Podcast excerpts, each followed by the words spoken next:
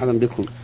هذه رسالة وصلت من تشاد من محافظة فايا من الأخ موسى يحيى يقول في هذا السؤال. ما حكم مدح الرسول صلى الله عليه وسلم في ذكر مولده؟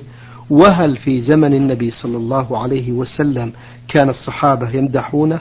وهل نؤجر في مدحه أو نؤثم في تركه؟ نرجو منكم التوجيه. جزاكم الله خيرا. الحمد لله رب العالمين. وصلى الله وسلم على نبينا محمد وعلى آله وأصحابه ومن تبعهم بإحسان إلى يوم الدين. مدح رسول الله صلى الله عليه وعلى آله وسلم ووصفه بصفاته الحميدة والأخلاق الفاضلة أمر مطلوب مشروع. وكثرة الصلاة على النبي صلى الله عليه وسلم من أفضل الأعمال الصالحة التي تقرب إلى الله عز وجل. ومن صلى عليه مرة واحدة صلى الله عليه بها عشرا ولكن اتخاذ ذلك في ليلة معينة أو يوم, أو يوم معين بلا دليل من الشرع يعتبر بدعة. لأن الثناء على رسول الله صلى الله عليه وعلى آله وسلم عبادة إذا لم يصل إلى حد الغلو. والعبادة لا بد أن يكون فيها إذن من الشرع. وما علمنا أن الشرع خص يوما أو ليلة معينة ليمدح فيها رسول الله صلى الله عليه وعلى آله وسلم إلا يوم الجمعة. فإنه صلى الله عليه وسلم قال أكثر فيه من الصلاة علي فإن صلاتكم معروضة.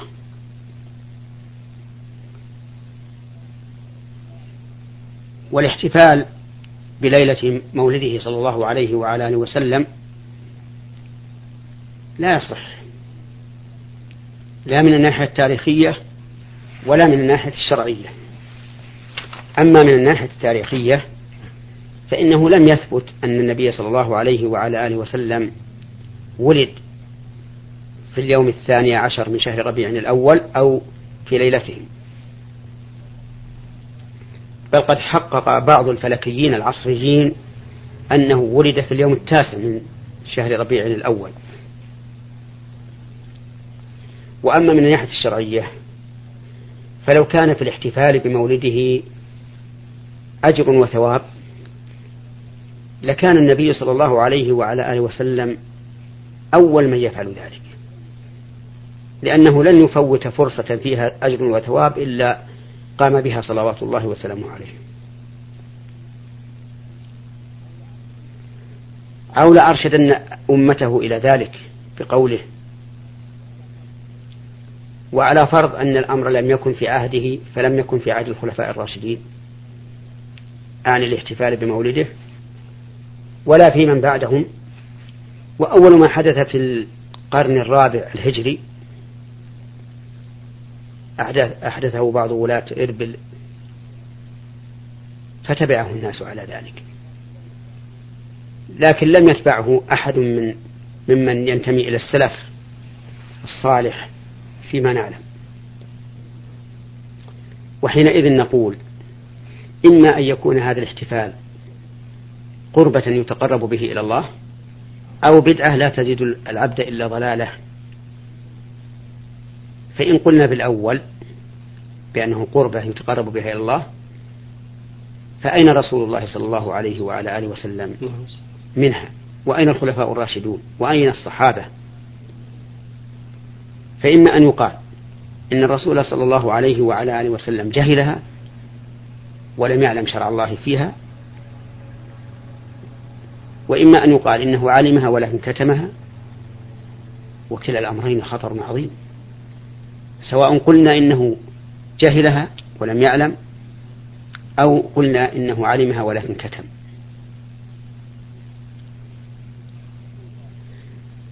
وكيف تكون من شريعة الله؟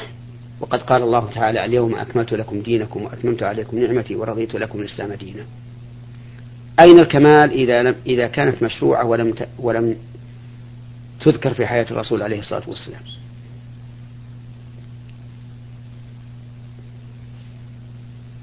وإذا قلنا إن الرسول صلى الله عليه وسلم علمها ولكن كتمها على الناس فما أعظمها من فادحة؟ لأنه يكون الرسول عليه الصلاة والسلام توفي ولم يبلغ شيئا مما أنزل الله عليه من الحق. ولهذا لو تأمل الإنسان هذه البدعة وغيرها من البدع لوجد أن, لوجد أن البدعة أمرها عظيم وخطرها جسيم. وأنه لولا حسن النية من بعض محدثيها لكان شأنهم شأن خطير جدا. لذلك ننصح إخواننا المسلمين في مشارق الأرض ومغاربها أن يدعوا هذه هذه البدعة وأن يكتفوا بما شرع الله تعالى من تعظيم رسوله صلى الله عليه وعلى آله وسلم. وما ادعاه محدثوها من أنها إحياء لذكرى رسول الله صلى الله عليه وعلى آله وسلم فنقول إنه إحياء حذر منه النبي عليه الصلاة والسلام حيث قال إياكم ومحدثات الأمور. ونقول ثم نقول أيضا في الشريعة الإسلامية غنى عن هذا عن هذا الإحياء. فالرسول صلى الله عليه وعلى آله وسلم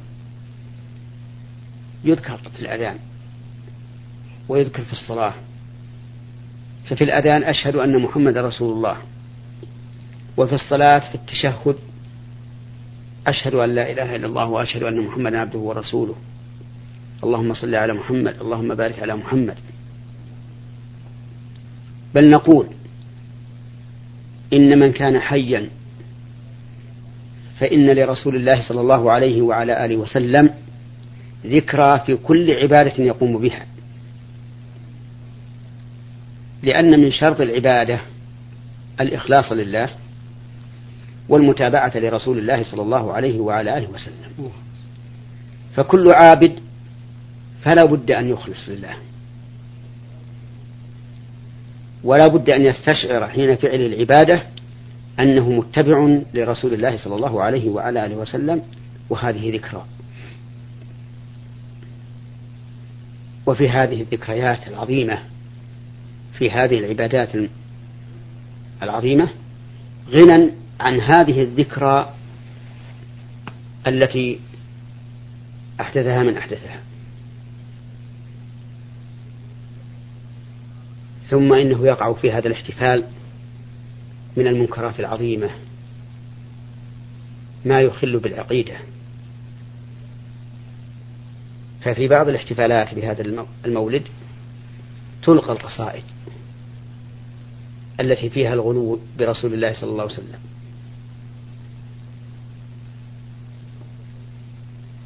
الغلو الذي يوصله إلى درجة الربوبية أو أعظم. تلقى في هذه الاحتفالات القصائد مثل البردة للبوصيري التي فيها يقول يا أكرم الخلق ما لي من ألوذ به سواك عند حلول الحادث العمم. إن لم تكن آخذا يوم المعاد يدي عفوا وإلا فقل يا زلة القدم. فإن من جودك الدنيا وضرتها ومن علومك علم اللوح والقلم. هذه أبيات في البردة. قد تكون على هذا الترتيب أو في بعضها تقديم وتأخير لكن الكلام على المضمون لا على الشكل. فالذي يقول في الرسول عليه الصلاة والسلام مخاطبا له إن من جودك الدنيا وضرتها وضرة الدنيا هي الآخرة ومن علومك علم اللوح والقلم قد ألحقه أي ألحق النبي صلى الله عليه وسلم بمقام الربوبية. ولم يبق لله شيئا. إذا كان من جود الرسول صلى الله عليه وعلى آله وسلم الدنيا وضرتها. فما الذي بقي لله؟ ثم نقول هذا من أكبر الكذب أن تكون من جوده الدنيا وضرتها. أن تكون من جوده الدنيا وضرتها. لماذا؟ لأن الرسول خلق. حدث في آخر الدنيا. كيف تكون الدنيا من جوده؟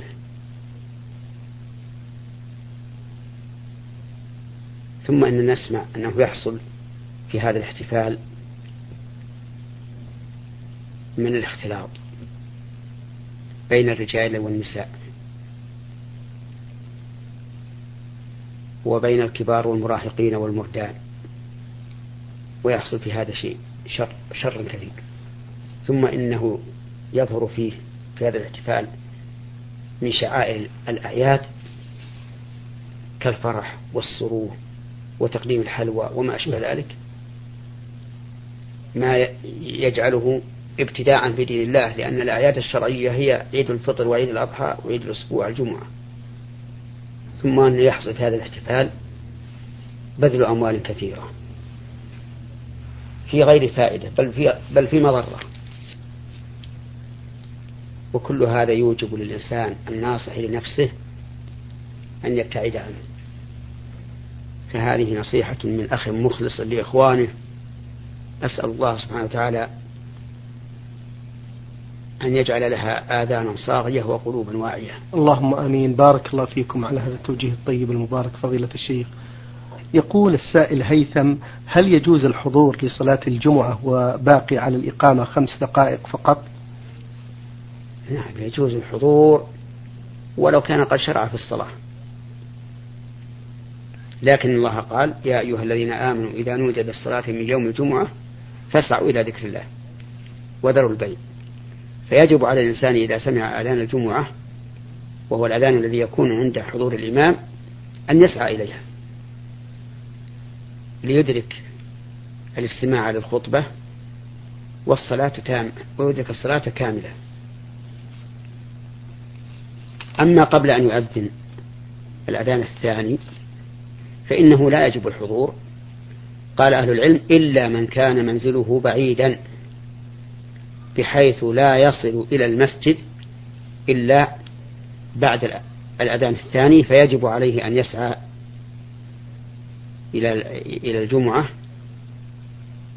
بحيث يصل إلى المسجد عند الأذان الثاني.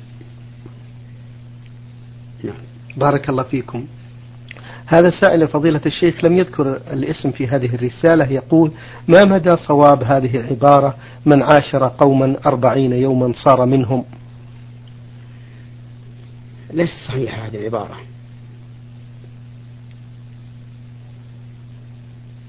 وقد قال النبي صلى الله عليه وعلى آله وسلم من أحب قوما فهو منهم. فمن أحب قوما فهو منهم ولو عاشرهم يوما واحدا. ومن ليس بينه وبينه بينه وبينهم صلة في المحبة فهو لو بقي عندهم أربعين شهرا. هذه العبارة ليست صحيحة. ليست صحيحة. بارك الله فيكم. يقول هذا السائل ما حكم إخراج تربة مكة منها وكذلك إخراج ماء زمزم من مكة؟ نرجو منكم الإفادة. لا بأس بإخراج تراب مكة إلى الحل ولا بأس بإخراج ماء زمزم إلى الحل. نعم. يقول هل قراءة القرآن بالتجويد المعروف الآن من السنة؟ الذي يظهر لي أن قراءة القرآن بالتجويد الموجود الآن نعم. من تحسين التلاوة ولكنه ليس بواجب الواجب إظهار الحروف والحركات لكن إذا أتى به على النحو المعروف الآن في التجويد كان هذا من تحسين الصوت بشرط أن لا يبالغ في مخارج الحروف. فإن بعض الناس يبالغ في مخارج الحروف حتى إنه يتكلف إخراج حروف القلقلة وأشباهها. هذا السائل أبو عبد الرحمن من جازان يقول فضيلة الشيخ ما الحكم في من يرغب في الزواج من امرأة تقرب له كابنة الخال أو ابنة العم وهي كذلك؟ وكذلك ابن الخال أو ابن العم يرغب في الزواج من أخت المتقدم وهي كذلك ترغب في الزواج منه. المهم أن جميع الأطراف متراضية إن شاء الله. فما هو الحكم الشرعي إذا تم الزواج على هذه الحالة يرجو بهذا إفادة ويقول في آخر السؤال إذا كان هذا الزواج يدخل في حكم الشغار الذي حرمه الإسلام فما هي الطريقة الشرعية المثلى التي يجب أن نسير عليها حتى يكون هذا الزواج شرعي وصحيح؟ والحالة ما ذكر مأجورين هذا الزواج الذي سأل عنه السائل ليس من باب الشغار لأن باب الشغار أن يشترط عليه أن يزوجه. موليته. فيقول أزوجك أختي بشرط أن تزوجني أختك. أما إذا وقع هذا من غير شرط فلا بأس بذلك وليس من باب الشغار بشيء نعم. في فقرة أخرى يقول هل يجب تحديد المهر وتسويته؟ يعني بين هذين نعم. لا يجب تحديد المهر ولا تسويته. بل كل إنسان يعطي من المهر ما يستطيع. نعم. في فقرته الأخيرة فضيلة الشيخ محمد يقول ما الحكمة من تحريم الشغار؟ وجهونا بهذا. الحكمة من تحريم الشغار أنه ظلم للمرأة وأنه يفتح باب المحاباة لمن أراد أن يزوجه ويدع مراعاة حسن الخلق والدين. لأنه يريد أن يشبع رغبته في نكاح المرأة الأخرى.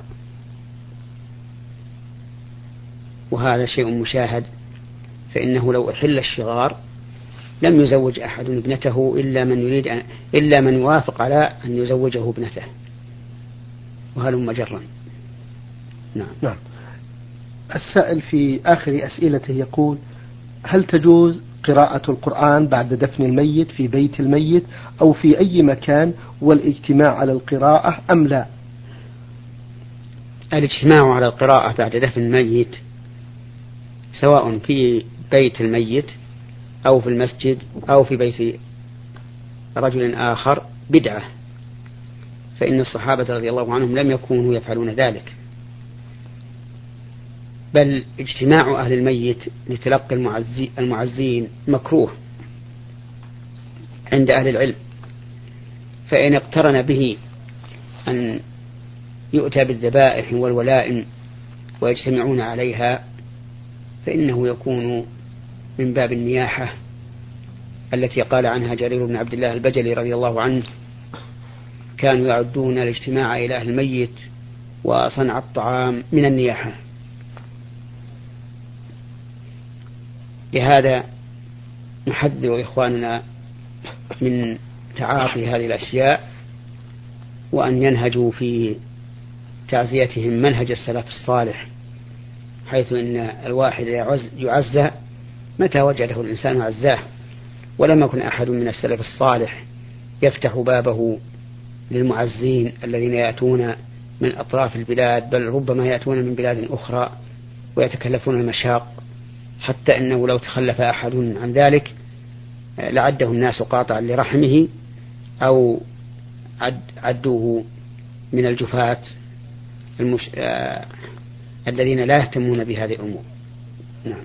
بارك الله فيكم. السائل عين لام يقول فضيلة الشيخ هل ركعة بعد صلاة العشاء تعد وترا؟ أي بعد الركعتين الأخيرتين وهل هي جهرا أم سرا وتكون في قصار السور أم من طوال السور؟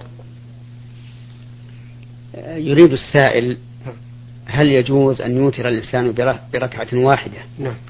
بعد راتبة العشاء؟ والجواب أنه يجوز أن يوتر بواحدة بعد صلاة العشاء وراتبتها. وأن يوتر بثلاث سردا يتشهد في آخرهن وأن يوتر بثلاث يسلم من ركعتين ثم يأتي بالثالثة وأن يوتر بخمس سردا وبسبع كذلك وبتسع سردا ويتشهد عقب الثامنة ولا يسلم ثم يصلي التاسعة ويسلم. ويجوز آه، أن يوتر بإحدى عشرة ركعة يسلم من كل ركعتين ويوتر بواحدة. فالأمر في هذا واسع. طيب. وأما القراءة فيقرأ ما تيسر له سواء أوتر بواحدة أو ثلاث أو خمس أو سبع أو تسع أو إحدى عشرة إلا أنه إذا أوتر بثلاث فالأفضل أن يقرأ في الأولى سبح اسم ربك الأعلى وفي الثانية قل يا أيها الكافرون وفي الثالثة قل هو الله أحد. بارك الله فيكم. يقول في سؤاله الأخير عندما يصلي الإنسان لوحده في صلاة جهرية هل يجهر بالقراءة أم هو مخير بذلك؟ لأن كثيرا من الناس نراهم يجهرون بصلاتهم عندما يصلون لوحدهم وجزاكم الله خيرا. يقول العلماء رحمهم الله إن الإنسان إذا صلى وحده في صلاة الليل فهو مخير بين أن يجهر بالقراءة أو يسر بها. ولكن إذا كان معه أحد يصلي فلا بد من الجهر. ودليل ذلك حديث حذيفة بن اليمان أنه صلى مع النبي صلى الله عليه وسلم ذات ليلة فقرأ النبي صلى الله عليه وعلى آله وسلم وشرع في سورة البقرة. وكان لا تمر به آية رحمة إلا سأل ولا آية وعيد إلا تعوذ. وقال حذيفة فظننت أنه يركع عند المئة. أي عند إتمام آية من البقرة فمضى حتى أتمها. ثم قرأ بعدها سورة النساء وآل عمران. يعني قرأ النساء بعد البقرة ثم آل عمران ثم ركع. وهذا يدل على أن النبي صلى الله عليه وعلى آله وسلم كان يجهر بذلك. ولولا هذا ما علم حذيفة بما كان يقوله عند سؤال عند آية الرحمة وآية العذاب. وآية التسبيح. فإنه كان إذا مر به آية التسبيح سبح وهنا إشكالان في هذا الحديث. نعم. الإشكال الأول هل تشرع صلاة التهجد جماعة؟ أو لا؟ وجواب هذا الإشكال أن يقال لا تشرع صلاة التهجد جماعة على وجه الاستمرار. أما أحيانا فلا بأس. فإن النبي صلى الله عليه وعلى آله وسلم صلى معه حذيفة كما في هذا الحديث ومرة أخرى صلى معه ابن عباس رضي الله عنهما ومرة ثالثة صلى معه عبد الله بن مسعود ولكنه عليه الصلاة والسلام لا يتخذ هذا سنة راتبة دائما. ولا يشرع ذلك إلا في قيام رمضان. فإذا كان أحيانا يصلي جماعة في التهجد فلا بأس وهو من السنة. وأما ما يفعله بعض الإخوة من الشباب الساكنين في مكان واحد من إقامة التهجد جماعة في كل ليلة فهذا خلاف السنة. الإشكال الثاني في هذا الحديث حديث حذيفة أن النبي صلى الله عليه وعلى آله وسلم قرأ سورة النساء بعد البقرة ثم آل عمران. والذي بين أيدينا أن آل عمران بعد البقرة نعم. والنساء بعد آل عمران. فكيف يكون الأمر؟ الجواب أن نقول استقر الأمر على أن تكون آل عمران أن استقر الأمر على أن تكون آل عمران بعد البقرة. ولهذا تأتي الأحاديث في بيان فضائل القرآن بجمع البقرة وآل عمران. مثل قوله صلى الله عليه وعلى آله وسلم يقرأ الزهراوين البقرة وآل عمران. فإنهما يأتيان يوم القيامة كأنهما غايتان أو غمامتان أو فرقان من طير صواف تحاجان عن أصحابهما يوم القيامة. فكان الأمر على الترتيب الموجود الآن في المصحف. نعم. بارك الله فيكم. آه، فضيلة الشيخ نختم هذا اللقاء برسالة من الأخت آه، يا عين جيم من القصيم تقول آه، أنا يهدى إلي تمر أو غير ذلك مما يشابهه. هل يجوز أن أتصدق به أم لا؟